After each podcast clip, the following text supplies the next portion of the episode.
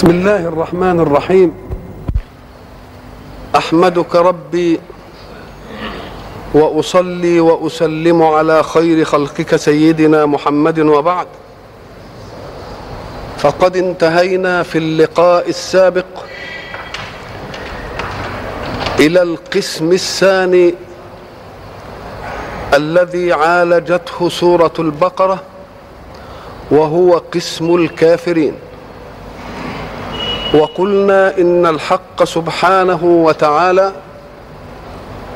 تكلم في هذه السورة عن ثلاثة أصناف. صنف آمن وقد عالجه في ثلاث آيات. وصنف كفر وعالج أمره في آيتين. وبقي صنف ثالث هو تكملة التقسيم الطبيعي لمواجهة أي دعوة حق. فدعوة الحق دائما لا تنزل من السماء إلا عند شراسة الباطل. وجاء الإسلام والباطل في منتهى شراسته لأن الباطل حين يشدو في الشراسة. قد يعتمد على بعض البيئة ليعدل ميزان هذه الشراسة.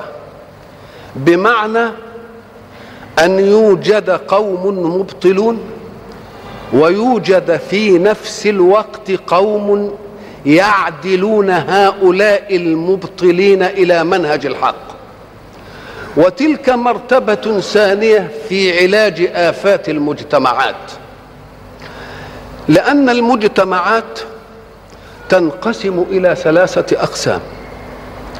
مجتمع يعصى الفرد فيه بنفسه الأمارة بالسوء ثم تستيقظ نفسه المطمئنة أو نفسه اللوامة لتلوم عليه تصرفه مع نفسه الأمارة بالسوء.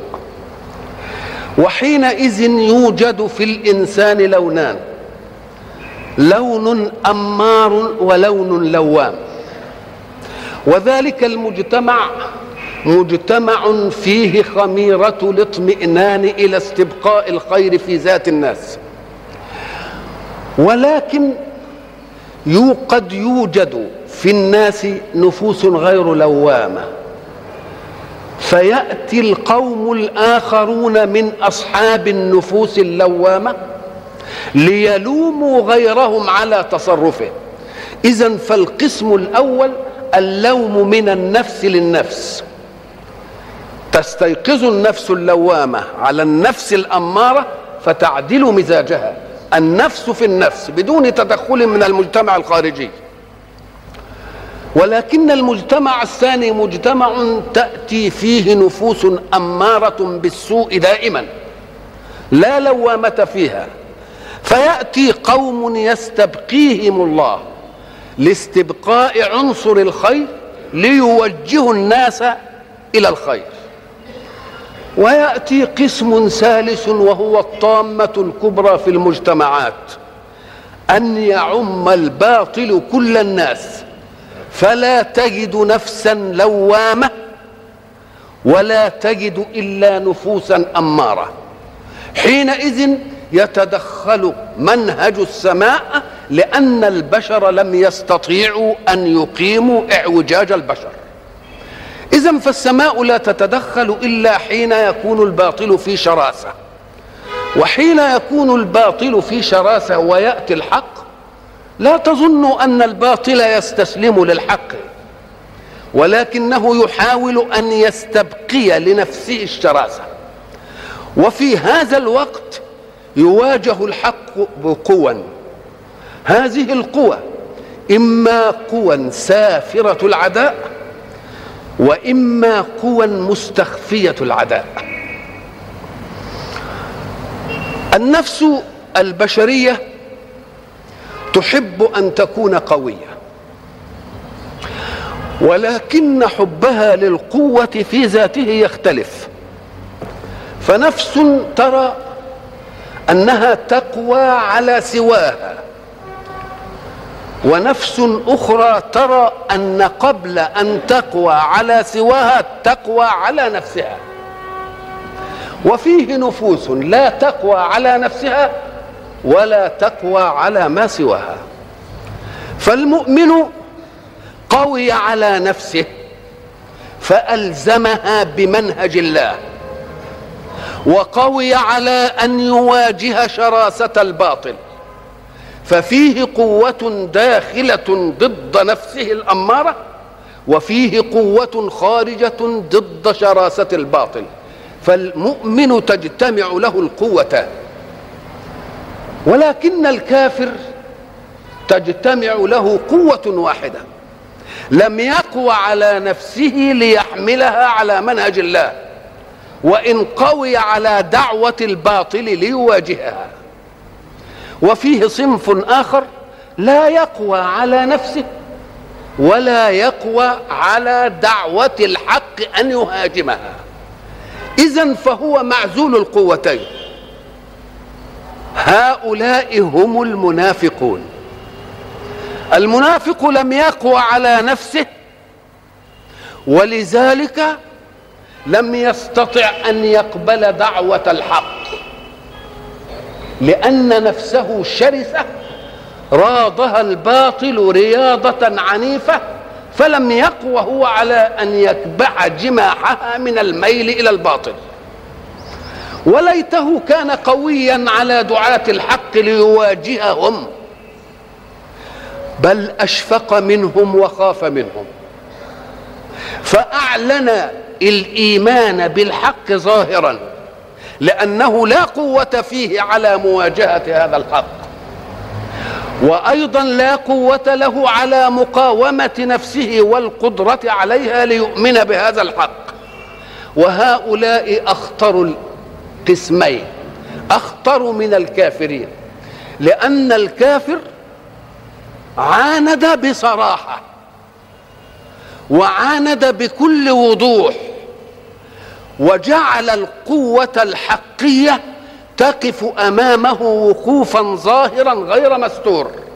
ولكن المنافق الذي نافق القوة الحقية فادعى أنه معها.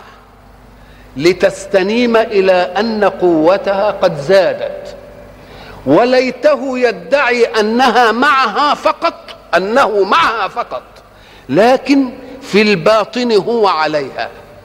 فكأنه حارب الحق من وجهين. الوجه الأول أنه جعل الحق يعتبره سيفا معه.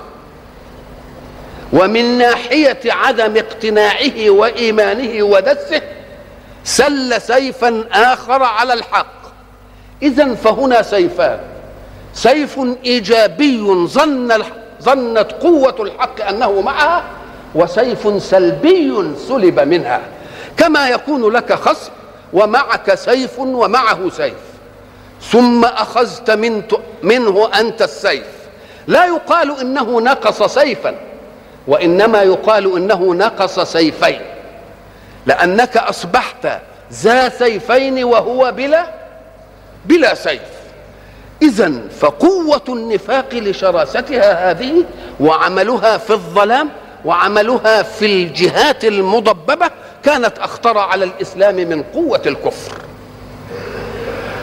لذلك تجد أن الحق سبحانه وتعالى حين عالج المؤمنين بثلاث ايات وعالج الكفار بآيتين عالج مسألة النفاق في ثلاث عشرة آية. لأن مظاهر هذا النفاق مظاهر متعددة. لأنه في الأصل حقيقة ملونة. فلا هي قوية شجاعة تجاهر بمعارضة دعوة الحق ولا هي قوة راضت نفسها على أن تؤمن بالحق. اذا فقد أخذت الأمر من جهتين. الله سبحانه وتعالى يعلمنا أن المؤمن حين يكون مؤمنا بربه يجب أن يخوض معركة الإيمان كما قلنا لا على أنه وحده. بل يجب أن يخوض معركة الإيمان مع الكفر ومعركة الحق مع الباطل على أنه مسدود من مسنود من إله قوي. لا يمكن أن ينتصر عليه ابدا ما دام المؤمن في معية منهجه. وإذا تخلى المؤمن عن معية منهجه فليكن الخسار عليه قوة بشر لبشر. ولذلك كانت حياته صلى الله عليه وسلم متنا للدعوة الإسلامية. ومعنى متن للدعوة الإسلامية أن كل جزئية ستحدث للإسلام إلى أن تقوم الساعة جاءت في تاريخه صلى الله عليه وسلم. وشاء الله أن يعلم المسلمين على يدي محمد بن عبد الله في حياة محمد بن عبد الله. ولذلك تجدهم في غزوة أحد مثلا انهزم المسلمون. وفي ظاهر الأمر أن المسلمين انهزموا. ولكن في حقيقة الأمر أن الذي انهزم هم المسلمون المتخاذلون عن منهج الإسلام. أما الإسلام فانتصر لأن أوامر رسول الله خولفت فلو أنهم انتصروا مع مخالفة رسول الله ماذا يكون الموقف بعد ذلك؟ لهان أمر المخالفة. وقالوا خالفناه وانتصرنا. لكن يقول الله لهم خالفتموه فانهزموا خالفتموه فانكسروا. لماذا؟ ليستبقي مهابة توجيه رسول الله في نفوس المؤمنين. وأنا قلت سابقا أن الحق حين يطلق قضايا قرآنية وقضايا قرآنية مقروءة وقضايا قرآنية مكتوبة وقضايا قرآنية تكرر في في العبادة وهي الصلاة وتقرأ على الناس ويحفظها الله يعطي قضايا. هذه القضايا لا يمكن أن يطلقها الله وفي كونه واقع يصادمها. لو أطلق قضية من القضايا ثم جاء واقع الأمر فعاند هذه القضايا لهان أمر الإسلام في نفوس المسلمين. فحين يقول الحق وإن جندنا لهم الغالبون تكون قضية قرآنية. لا بد أن تأتي قضايا الكون الواقعية موافقة لها. اذا فما دام الله قد قال قد قال ذلك فانظر أي معركة مع جند الإسلام مع أعدائهم. فإن انتصروا فاعلم أنهم كانوا جند الله. وإن انهزموا فاعلم أن قول الله وإن جندنا لهم الغالبون صادق وأنهم تخلوا في المعركة عن جنديتهم لله لذلك انهزموا. اذا فالأمر الواضح أن المؤمن حين يواجه شراسة الباطل يجب عليه أن يضع أمام عينيه أنه لا يواجهها وحده. ولكن كما قلنا سابقا يفعل ويستعين بالله. والاستعانة كما قلنا معناها أن فاعلا يفعل ويستعين. معناه تستعين يعني أنت تعمل وتستعين مش لا تعمل وتستعين. ولذلك يقول الحق في الممكنين في الأرض آتيناه من كل شيء سببا. فهل اقتصر على ما آتاه الله من أسباب؟ لا فأتبع سببا. أنشأ أيضا اسباب الحق سبحانه وتعالى حين يأتي الإسلام ليذهب إلى المدينة قلنا إن ظاهرة النفاق في الإسلام ظاهرة صحية إيمانية. لأن الإسلام لم ينشأ النفاق فيه في مكة. لأن الذي ينافق كما قلنا هو القوي. والإسلام في مكة كان ضعيفا. لم يستطع المؤمنون الأولون أن يحموا أنفسهم. فلماذا ينافقون؟ إنما ينافق القوي. فلما ذهب الإسلام إلى المدينة كان ولا بد أن تظهر ظاهرة النفاق. وخاصة ممن؟ وخاصة من القوم الذين كانت لهم سيادة في المدينة. هذه السيادة هددت بهجرته صلى الله عليه وسلم. بعد أن كان هناك سيادات مرتقبة لأبي بن سلول عدل عنها وانصرف الأمر كله إلى من؟ إلى محمد بن عبد الله المهاجر النبي الجديد.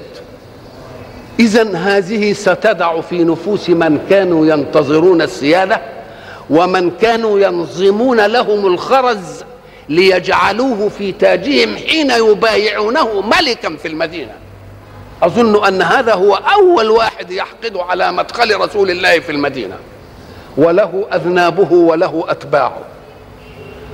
وأيضا فإن مجيء الإسلام إلى المدينة يهدد قوة أخرى. هذه القوة كانت لها السيطرة العلمية لأنهم أهل كتاب.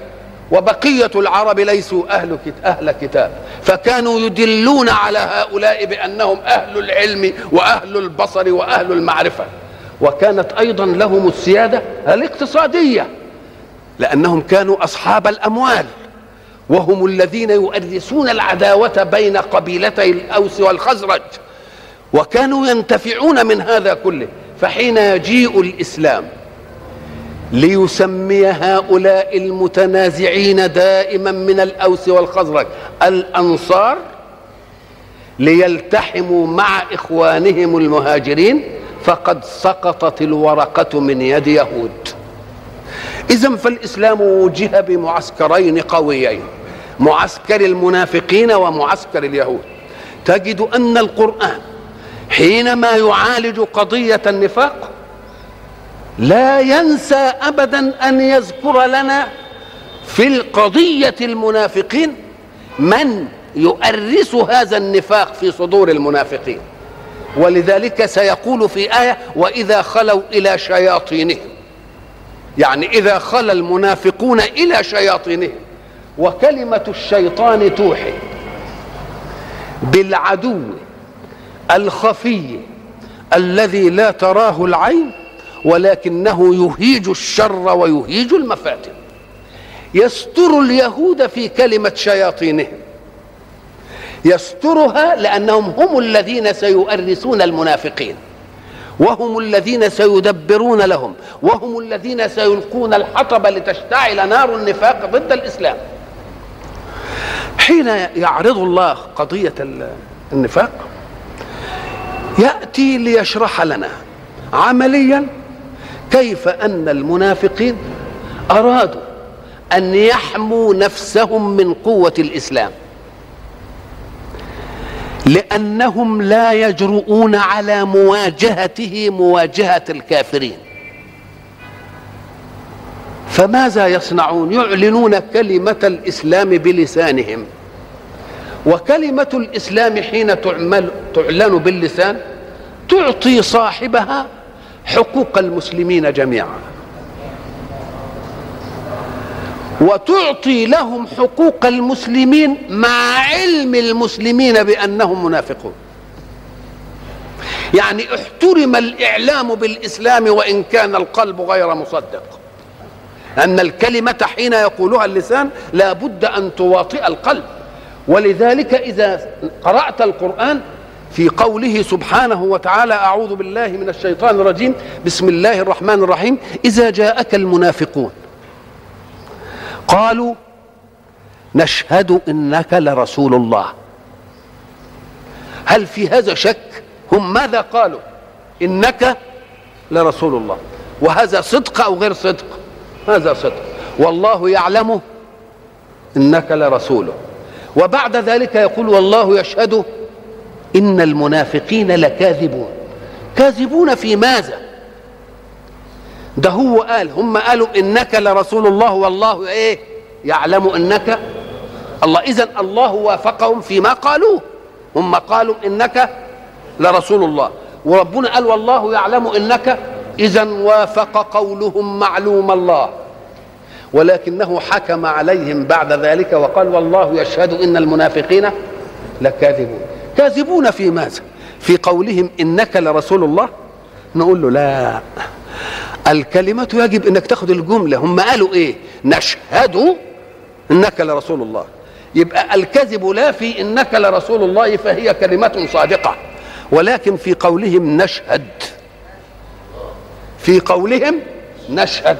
لأن الشهادة يجب أن يواطئ اللسان فيها القلب. اذا فالقضية المشهود بها مصدقة عند الله. هو رسول الله. إنما قلهم نشهد إنك لرسول الله. هي فيها مناط الإيه؟ مناط التكذيب. علشان ما يجيش واحد يقعد يتصيد في أساليب القرآن ويقول إن القرآن في الآية الواحدة عمال يتعارض. بيقولوا إنك لرسول الله. وماذا في هذا؟ ده, ده, ده خداع في النقاش. وماذا في هذا؟ إنك لرسول الله. وهو يقول والله يعلم إنك لرسول اذا وافق قولهم إيه؟ معلوم الله. كيف يقول بعد ذلك والله يشهد؟ إن المنافقين. نقول له لو فطنت إلى أن الله قال في الكذب يشهد وقال في دكها يعلم لفهمت أن الشهادة من الله رد على الشهادة من الأولين. الشهادة من الله رد على الشهادة من الأولين. اذا ففرق بين القول وبين مقول القول. الشهادة شيء وقولهم إنك لرسول الله شيء آخر ولذلك زاوج الله بين إبطال شهادتهم بقوله أنا هم شهدوا كذا وأنا أشهد أنهم.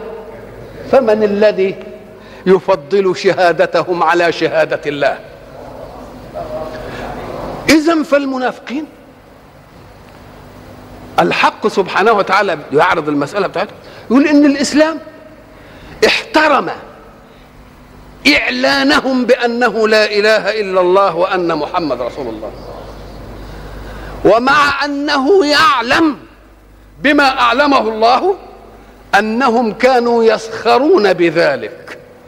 وأظنكم جميعا تقرؤون حكاية ابن سلول حينما رأى أبا بكر رضي الله عنه وعمر رضي الله عنه وعلي رضي الله عنه فقال لإخوانه من المنافقين انظروا كيف ألتقي بهؤلاء السفهاء. وهؤلاء السفهاء الكلمة دي هنقف منها عند ابن أبي. لأنهم هيقولوا أنؤمن كما آمن السفهاء. طب السفهاء الأراذل وبعد ذلك كلامك يا ابن سلول سيناقض نفسه. ليه؟ لأنه ساعة ما التقى كده أقبل على أبي بكر فقال مرحبا بسيدي تيم مرحبا بالصديق مرحبا بشيخ الإسلام مرحبا بثاني رسول الله صلى الله عليه وسلم في الغار مرحبا بباذل ماله ونفسه مع رسول الله صلى الله عليه وسلم. الله. والتفت إلى عمر فقال مرحبا بسيد بني عدي مرحبا بالفاروق مرحبا ببازل ماله ونفسه لرسول الله صلى الله عليه وسلم. ثم التفت إلى علي فقال مرحبا بصهر رسول الله. مرحبا بابن عم رسول الله. مرحبا بسيد بني هاشم ما عدا رسول الله صلى الله عليه وسلم. أتجدون لطفا في القول أحسن من هذا؟ انظروا إليه كيف قال لقومه انظروا كيف ألتقي مع هؤلاء السفهاء. وهل هؤلاء من السفهاء وقد قلت أنه سيد تي دع, دع موقفه من الإسلام. وألم يقل سيد بني عدي على عمر؟ وألم يقل على علي سيد بني هاشم؟ فكيف ينطبق قولك هذا مع قولك لقومك سابقا؟ كيف ألتقي مع هؤلاء السفهاء؟ اذا فتسميتها كان يجب على المنافقين الذين قال لهم ذلك أن يردوا عليه ذلك القول. كيف تقول إنهم السفهاء ثم تقول إنهم هم السادة؟ كل واحد سيد في في قومه. ومع ذلك ومع ما يعلمه رسول الله من هذا انظروا إلى سماحة الإسلام ونبي الإسلام. يأتي ابن سلول فيموت. فيذهب رسول الله فيصلي عليه. فيقف عمر بجرأته ويقول له أتصلي على رأس النفاق يا رسول الله؟ أتصلي؟ وينفعل عمر. ولكن رسول الله صلى الله عليه وسلم يصر على الصلاة. يقول إن الله خيرني. قال استغفر لهم أو لا تستغفر لهم.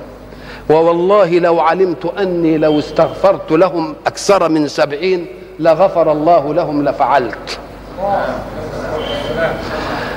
فيحترم فيحترم الحق. غيرة عمر ويأتي ليحسم الأمر حتى يعذر رسول الله في رحمته على هؤلاء. فيقول الله له ولا تصلي على أحد منهم مات أبدا ولا تقم على قبره. انتهى. فإذا امتنع رسول الله فسيكون امتناعه لتوجيه الأمر. أما ما بقي الأمر في يد رسول الله فإن رسول الله يفعل ما تقتضيه رحمته على مين؟ على العالمين. لأن الله قال وما أرسلناك إلا للعالمين. يبقى مظهر رحمته حتى على المنافقين. فما حبش ابدا يمنعه. لأن رسول الله كان إذا خير في أمر اختار أيسره على أمته. ليه؟ ليصدق فيه قول الله وما أرسلناك إلا رحمة للعالمين. وبعد ذلك تأتي رحمته لأمته لتتسع. حتى أن الحق سبحانه وتعالى لما رأى حبه لأمته وحرصه على خيرها قال يا محمد لو شئت يعني أنت يا محمد جعلت يعني جعل الله أمر أمتك إليك. فيه بقى يعني أحسن من كده. قال إيه؟ لو شئت جعلت أمر أمتك إليك عشان تبقى أنت تفصل فيها ما دام أنت رحيم بها قوي كده. انظروا إلى فطنة النبوة المحمدية.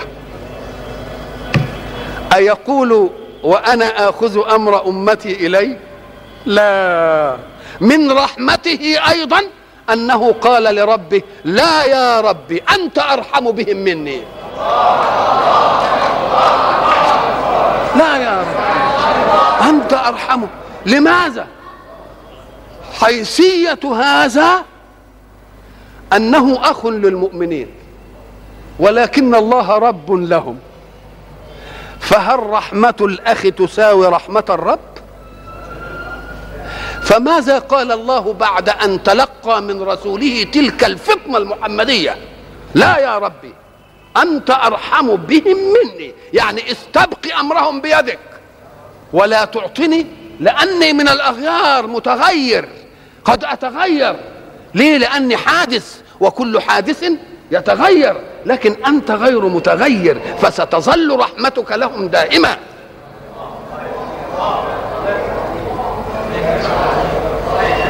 فيقول الله له اذا اذا لا أخزيك فيهم أبدا.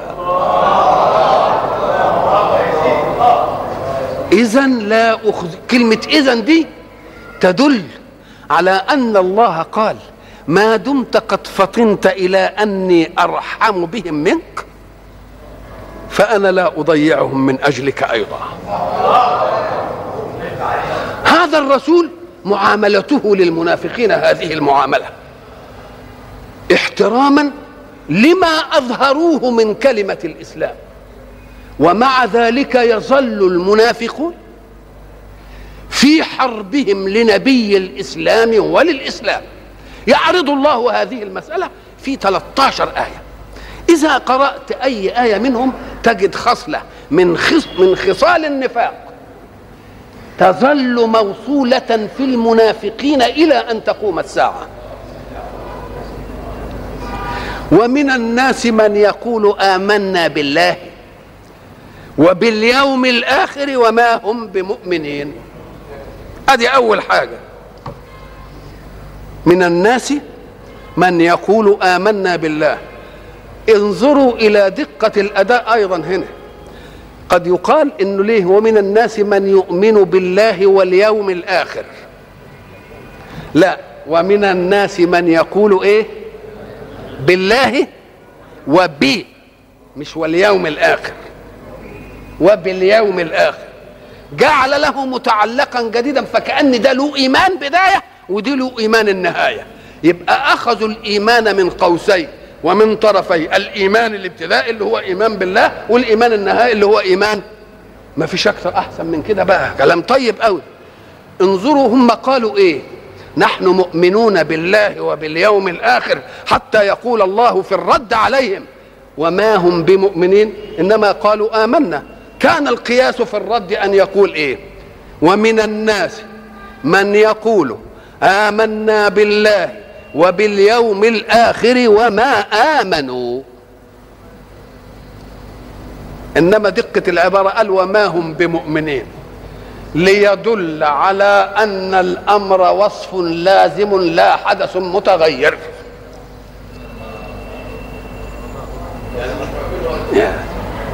نعم. كان لو قال آمنا يمكن إحنا ما آمناش قبل كده. إنما وما هم بإيه؟ وما هم بمؤمنين. وكلمة يقول ومن الناس من يقول. ما قالش يشهد. يبقى اذا فيه قول بالإيه؟ قول باللسان. وكلمة وما هم بالمؤمنين غير مطابق للجنان. لأن الحتة اللي جوانية دي من يعرفها؟ والحق سبحانه وتعالى هو الذي يعرف. ولو نشاء لأريناكهم فلعرفتهم إيه؟ بسيماهم. ولتعرفنهم في لحن القول. يبقى اذا يجب أن تكونوا يقظين لانكم انت لو خدتم بالكم من كلامهم الذي يواجهونكم به لعرفتم مدى نفاقهم ومدى كذبهم. تيجي تقول طيب الله كان يطلع رسول الله على المنافقين. وإحنا من يطلعنا؟ لقد أطلعنا رسول الله وأعطانا الأمارات الدالة حتى نقيس تصرف المتصرف على ضوئها. معيار. الإيه آية المنافق ثلاث. إذا حدث كذب. وإذا وعد وإذا اؤتمن. تبقى دي المقاييس اللي كل أمة محمد. تعرف ليه؟ أم قال لك لأن لما واحد يكذب معنى يكذب يعني إيه؟ الكذب شوية عايز نوسع شوية كده فيها. في حاجة صدق وحاجة اسمها إيه؟ كذب. اولا النسب اللي الإنسان يتكلم بيها فيه نسبة كلامية اللي تسمعها مني. قبل أن تكون نسبه كلاميه صدرت من فمي وجدت نسبة ذهنية قبل أن أتكلم النسبة الذهنية دي لها واقع قبل أن توجد في, ذهنك ولا ملهاش واقع بس. أنا أريد أن أقول محمد مجتهد قبل أن تسمع مني محمد مجتهد دار في ذهني شيء اسمه محمد وشيء اسمه اجتهاد ونسبت الاجتهاد لمين؟ في ذهني وبعدين قلته لك. طب قبل ما تيجي النسبة دي أكان هناك واقع واحد اسمه محمد ومجتهد صحيح. قبل ما تيجي النسبة دي نقوم نقول له إيوه أقول أهو ده الصدق. يبقى الصدق هو أن تتطابق النسبة الكلامية الصادرة بعد النسبة الذهنية مع الواقع الذي سبقها. ده يبقى اسمه إيه؟ صدق. فإن كانت النسبة الكلامية دي اللي صدرت بعد النسبة الذهنية ملهاش واقع قبلها يبقى ده إيه؟ الكذب. معنى الكذب يبقى إيه؟ أنه لا واقع. مش كده؟ لكنني تكلمت. لا واقع في الوجود يعني. وإن كان له واقع في اللفظ. يبقى في حاجتين اتنين ولا لأ؟ ما فيش واقع في الوجود إنما فيه واقع. أنا قلت محمد مجتهد. وبعدين في الواقع ما فيش محمد ولا مجتهد. يبقى حاجتين اتنين. أقول لك أهي ده الكذب. طب ما هو ملتقي مع النفاق. لأنه هو ما شهدش أن لا إله إلا الله وقال بلسانه لا إله إلا الله. ما فيش واقع رصيدي في إيه؟ في قلبه. يبقى ده كذب ولا لا؟ يبقى آدي علامة اهي وعلامة منطبقة مع واقعه ولا لا؟ يبقى اذا الكذاب منافق ولا مش منافق؟ يبقى منافق. طب وإذا وعد؟ أخلف. وعد يعني إيه؟ إذا استعملت استعملت كلمة وعد افهم إنها للخير. وعد تبقى للخير. وأوعد للشر. وعد بخير يبقى تكلم كلمة بخير. وبعدين أخلفها. وأخلفها بملكه. يعني بنفسه كده. مش جت أسباب من الأسباب الضاغطة خلته. لو من الأسباب الضاغطة التي يقوم بها العذر تقنع صاحبها وتنتهي المسألة. يبقى إذا وعد يعني بخير. وعد بخير تكلم إنه هيعمل لك كذا. وبعدين أخلف. الإخلاف ده نوعين. أنتوا قريتوا القرآن ما أخلفنا موعدك إيه؟ بملكنا. يعني ما كانش إيه؟ قصد منا يعني. مفهوم؟ نقول له كان يحميه من ذلك أن يعد بعد أن يقول إن شاء الله.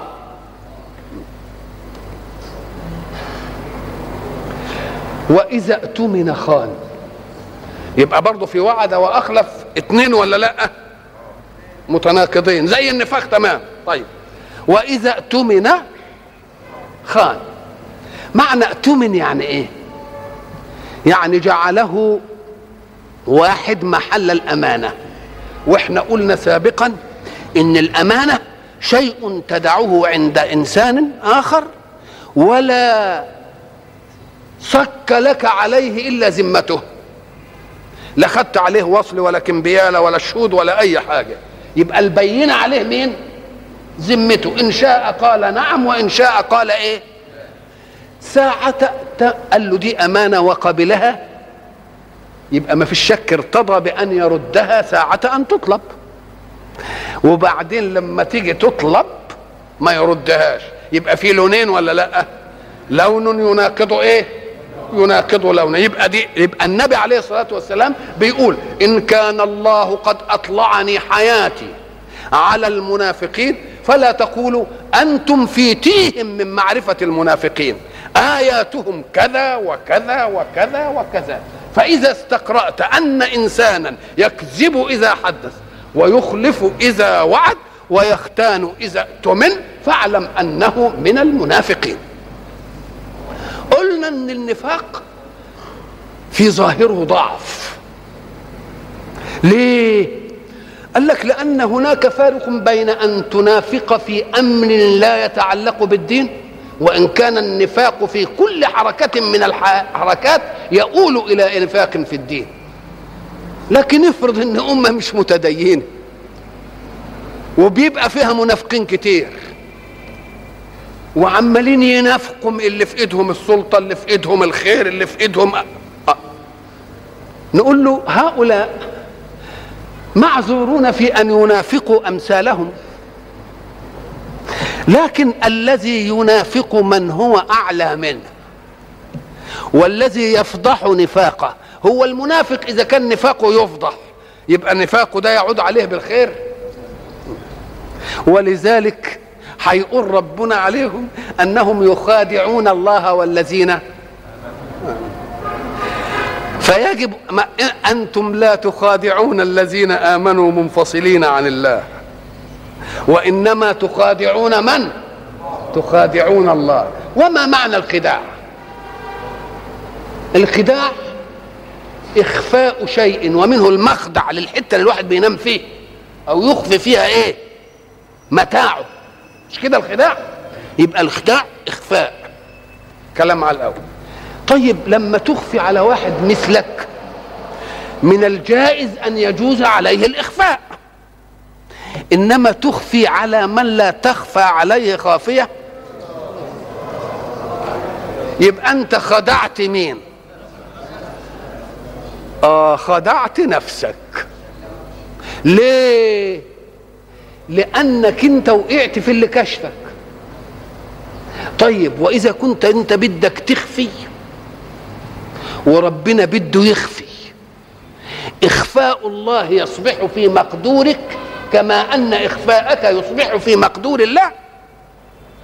ما يمكنش إخفاء الله هيكون في مقدورك لكن إخفاءك هيكون في مقدور مين؟ هيكون في مقدور الله. يبقى أنت اللي خسران ولا لا؟ يبقى قول الله يخادعون الله إيه؟ ما قالش ويخادعون الذين آمنوا. ما كررش الفعل. عشان نقول هذا له خداع وذلك له خداع. يمكن خداعهم بيبقى بشر لبشر. نقول له لا لا تفصل المؤمنين عن رب المؤمنين. لا تفصل المؤمنين عن رب المؤمنين. لأن خداع المؤمنين هم مؤمنين ليه؟ لأنهم التزموا بمنهج من آمنوا به. يبقى إذا مش هينفصلوا عن مين؟ عن الله. يبقى لا تقل أني أخادع المؤمنين وأخادع الله بل قل أنا أخادع الله والمؤمنين معه لأن الملتحم بالله كما قلنا سابقا الذي يجري عليه هو قانون الله. ألم يقل الله إن الذين يبايعونك إنما يبايعون الله؟ إن الذين يبايعونك إنما يبايعون الله يد الله فوق أيديهم. اذا فقول الله يخادعون الله. والذين آمنوا ولم يقل ويخادعون الذين آمنوا حتى لا يظن ظان أنهم قد ينجحون في صفقة من المخادعة. صحيح لن يقوا على خداع الله ولكنهم يقوا على خداع مين؟ على خداع ال ال الناس اللي زيهم اللي هم المؤمنين. نقوم نقول له لا لا تفصل المؤمنين عن ربهم فخداع المؤمنين خداع لربهم. وما دمت لا تقوى على خداع ربهم لأنك لا تقدر على ما يخفي الله ولكن الله يقدر على ما تخفيه. وحيث علم ما تخفيه يبقى خداعك يعود وباله على من؟ يعود وباله على نفسك يبقى قول الله يخادعون الله. والذين آمنوا وما يخدعون إلا أنفسهم وما إيه؟ وما يشعرون. شوف كلمة وما يشعرون هنا جاء في في مكانها لأن المتكلم الله. إيه يعني يشعرون؟ مرة القرآن يقول إيه؟ لا يشعرون. مرة لا يعلمون. مرة لا يعقلون. ثلاث أشياء. دي وسائل إدراك كلها. الشعور وسيلة من وسائل الإدراك. مش كده؟ والعلم بالوسائل من وسائل الإدراك والعقل من وسائل الإدراك. لكن مرة هيجي هنا برضه يقول ولكن لا يعلمون وديا لا يشعرون. نقوم نقول له تعالى ما هو الشعور؟ شعور إيه؟ الشعور هو أن تدرك بأحد الحواس. تدرك يبقى للمحسات. للإيه؟ للمحسات. طب العلم. قال لي ما ينشأ عن ذلك من المعقولات. الله. طب والعقل؟ أم قال لك لما ينشأ من توليد شيء من شيء؟ يعني كان معدوما فولده العقل فولد منه العقل موجودا. تقول له برضه عايزينها تتوضح شوية. آه. نقول كل كل إنسان منا يشعر. يدرك. كده كويس؟